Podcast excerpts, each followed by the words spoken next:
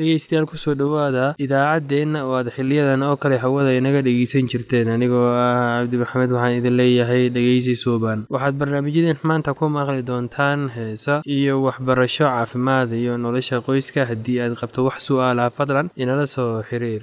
Ciwaankeenna waa radio somaly at yahu dt com. Mar labaad ciwaankeenna waa radio somaly at yahu dt com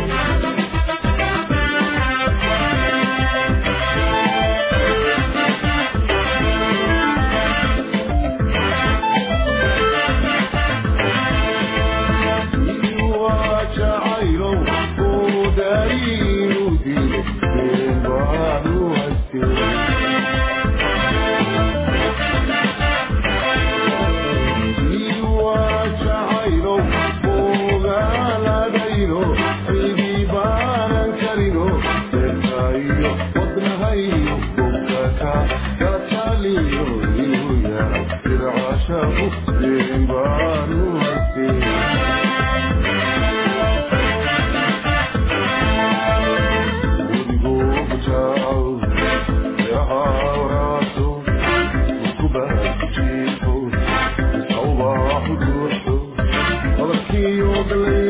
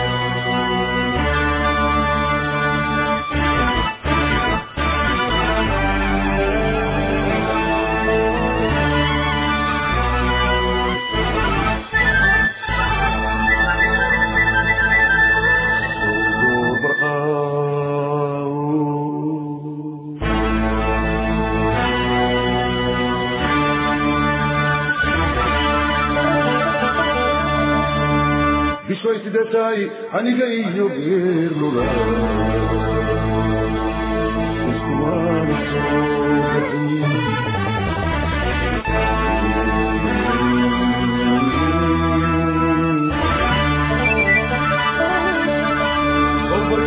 iyo gadaashadeedii buundadayaarte beladu weyn ku taale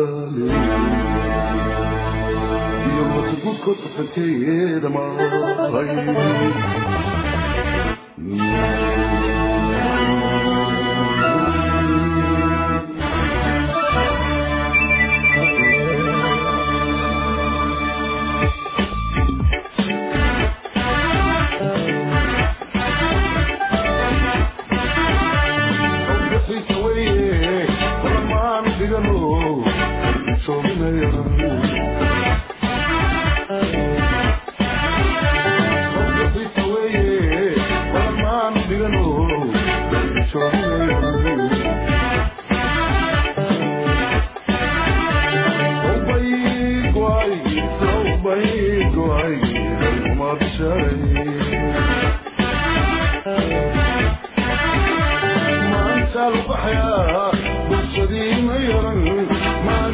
qasanteeyeeda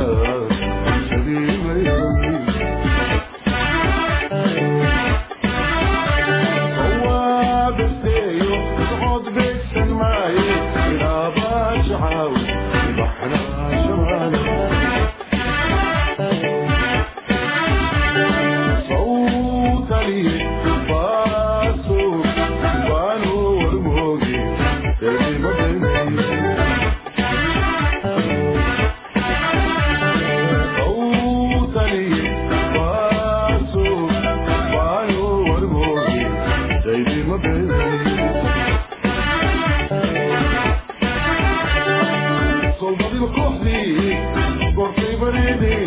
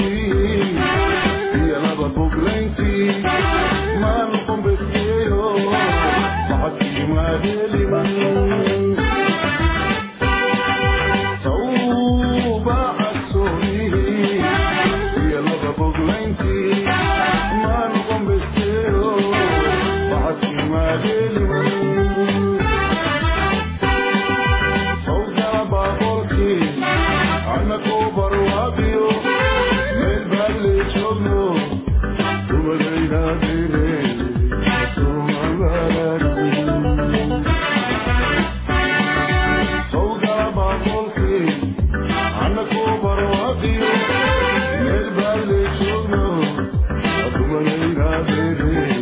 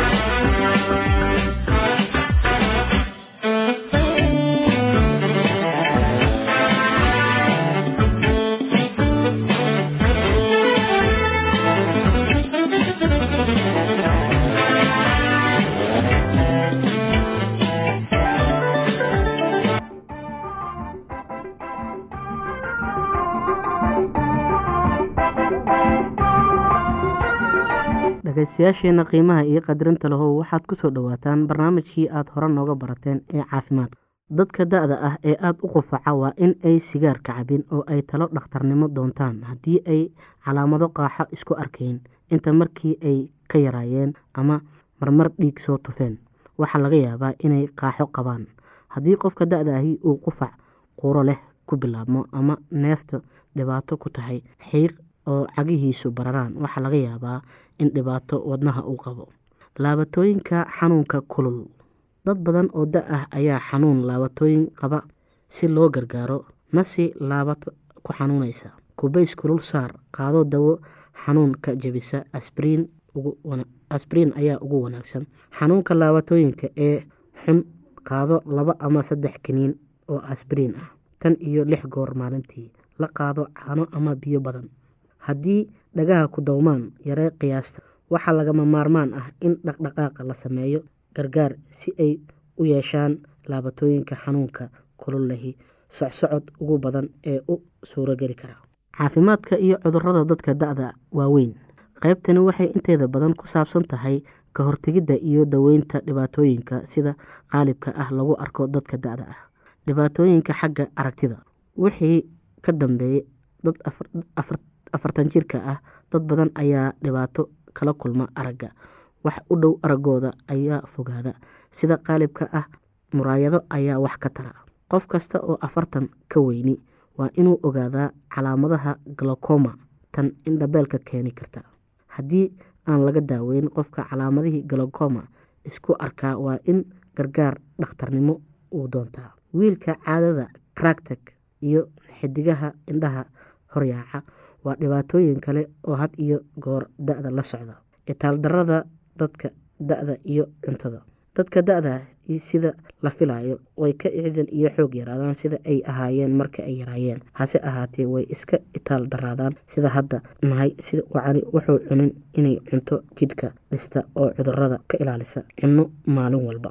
Dadka dhibaatooyinka wada hadli waa in aynu cunin cisbo badan. Waa in miisaankiisa oo ridaa hadduu aada u buuran yahay. Haddii qofka da-da ahi uu yeesho neefsashada dhib ah ama cagabararsan waa inuu milix isticmaalin. Waa inuu cunaa cuntada ay ku yartahay milixda. Inta noloshiisa ka hadhay waa in uu milix iyo cisbada uu cunin. Haddii qofku uu leeyahay laab xanuun ama ku dhacay dhaawac wadnaha ahi waa in uu ka nastaa meel sanqadh yar. Inta uu xanuunka tegayo haddii xanuunka laabta aada uga weyn yahay oo uu nasashada ku tegi waayo ama qofka calaamadihii shoogga muujiyo waxay u dhowdahay inuu wadnahu aada u dhaawacan yahay. Qofka waa inuu jiifo muddo toddobaad ahi ama inta xanuunka ama shoogga markaa uu bilaabi karaa inuu qunyar socdo fadhiisto. Hase ahaatee waa inuu isdhowraa bil ama ka badan uu ku fikiro inuu gargaar dhakhtarnimo doonto hadal loo jeedinayo dadka da-da yar ee doonaya inay caafimaad qabaan markay gaboobaan. Dhibaatooyinka badan xagga caafimaadka ah ee ku dhaca dadka meeldhexaadka ahi iyo kuwa da-da ahi ay ka mid yihiin dhiigga cadaadintiisa sareyso cudurrada wadnaha xididada dhiigga qaada oo adkaada iyo dabeysha waxay ku yimaadaan sidii qofka uu u nool yahay iyo wixii uu cuni jiray u cabi jiray markii uu yaraa. Laga yaabaa in aayatiinka dambe inaad in badan caafimaad ku noolaato. Dhageystayaasheena qiimaha iyo qadarinta lahu halkaa waxaa noogu dhammaaday barnaamijkii caafimaadka. Waa shiina oo idin leh caafimaad wacan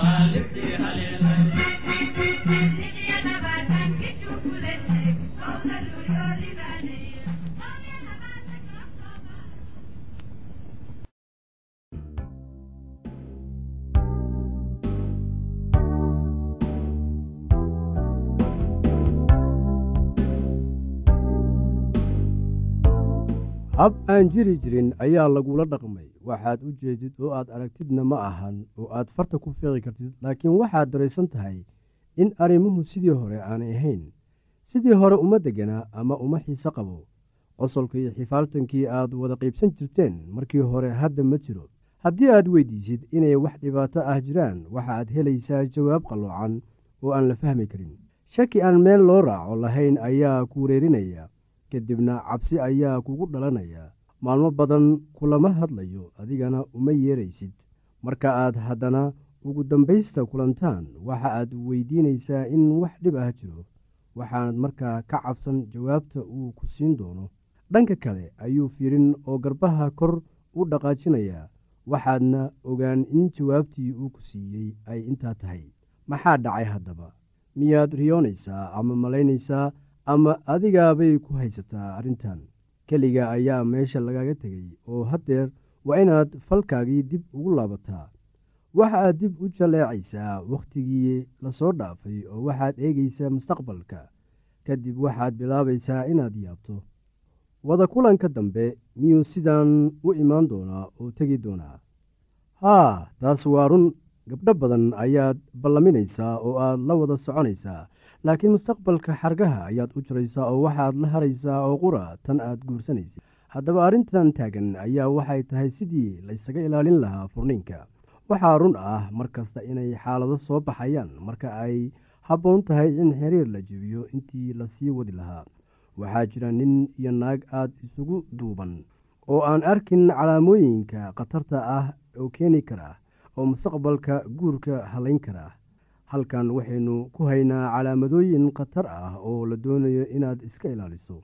Waana marka dareenka iyo dabeecadda qofka ay ka xoog badiyaan maskaxdiisa. Iska ilaali muranka faraha badan iyo dagaalka. Qaar waxay tan qabsataa weli iyaga oo xiriirka guurkoodu socdo. Taasna waa iska caadi. Haddii labada qof ee isguursaday aanay mar wax isku diidaynin ama aanay murmaynin wax ayaad iska ah. Waxaa laga yaabaa inaanay si wanaagsan isu dhexgelin laakiin waxaa jira mar isfaham la'aantu ay xad xun gaarayso khaasatan marka muran dheer oo buuq leh oo joogto ah u dhasho. Mararka qaar xitaa labada isguursaday ee aada isku jecel ayaa isfahmi waaya.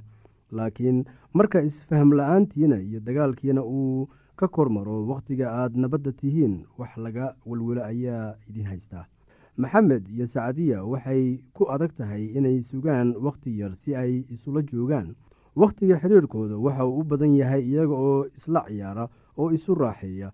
Wakhtiga ay wada joogaan intiisa badan sidan ayay wada sameeyaan. Dhaqdhaqaaq kale oo ay sameeyaan waa yaryahay wada hadal caadi ah ma wada yeeshtaan haddii ay yeeshtaanna waa yaryahay marka ay labada wada joogto sidan yihiin dhinacyada kale ee xiriirka noloshooda ayaan korayn.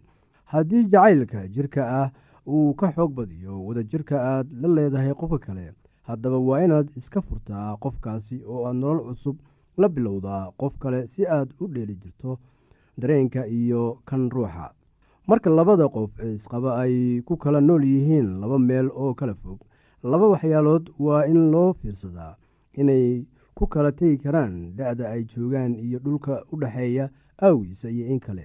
Haddii aad dhalinyar tahay oo saaxiibkii aad aadka u jecleed uu meel kale aadayo ma wanaagsana inaad isugu dhaarataan inaad weligiina kala tegaynin oo aanad qof kale ka dooran doonin. Hase yeeshee labada isqabta haddii ay da-weyn ku jiraan wax walba caadi ayay u soconayaan xitaa haddii ay u kala nool yihiin laba meel oo kala fog. Khatarta kale ee la doonayo inaad iska eegtid ayaa waxay tahay dabeecadda xun ee isu timid. Marka ugu horreysa oo aad gabadha la xiriiraysid dabeecaddaada iyo teeda isu eeg mararka qaar dabeecadahan iyaga ah ayaa waxa ay iin ku yeelayaan noloshiina waxaana idiin horseedi karaan wakhti xun.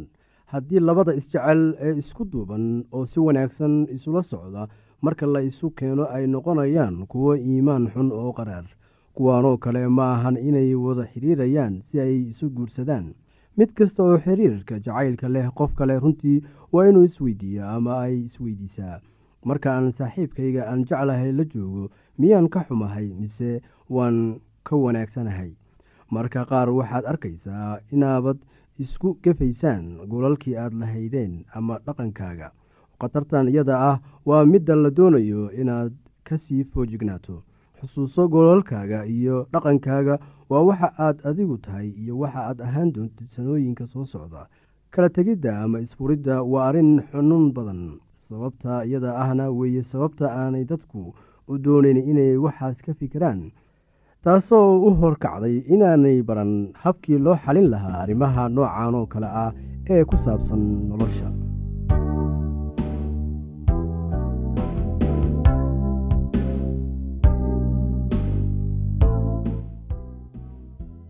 haddii aad qabto wax su'aalaha fadlan inala soo xiriir. ciwaankeenna waa radio somaly at yahu dt com. mar labaad ciwaankeenna waa radio somaly at yahu dt com. Barnaamijyadeena maanta waa naga intaas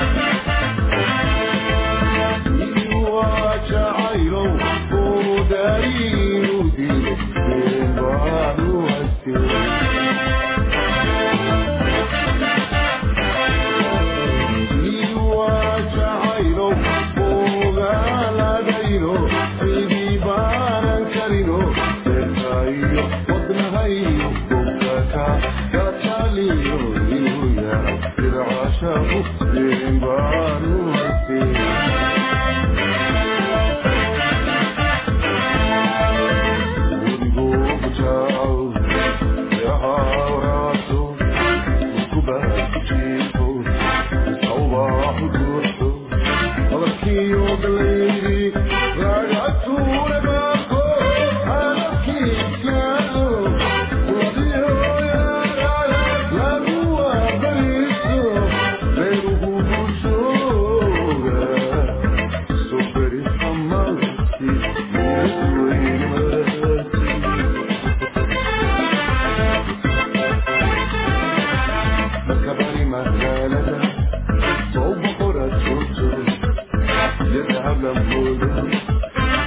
ii haweenku igu dhameeyo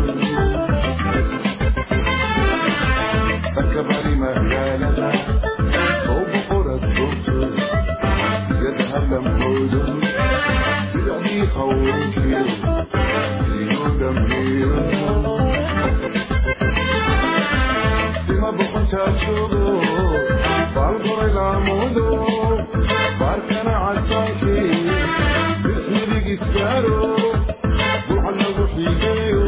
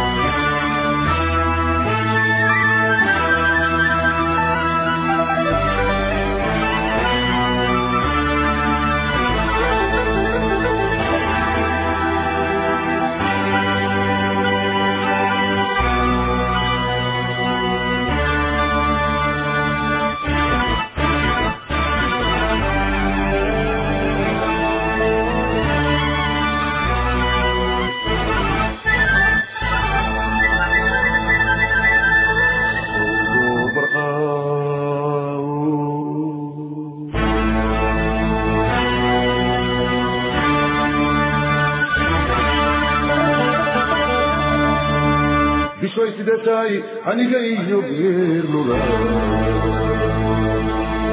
iskumaana soo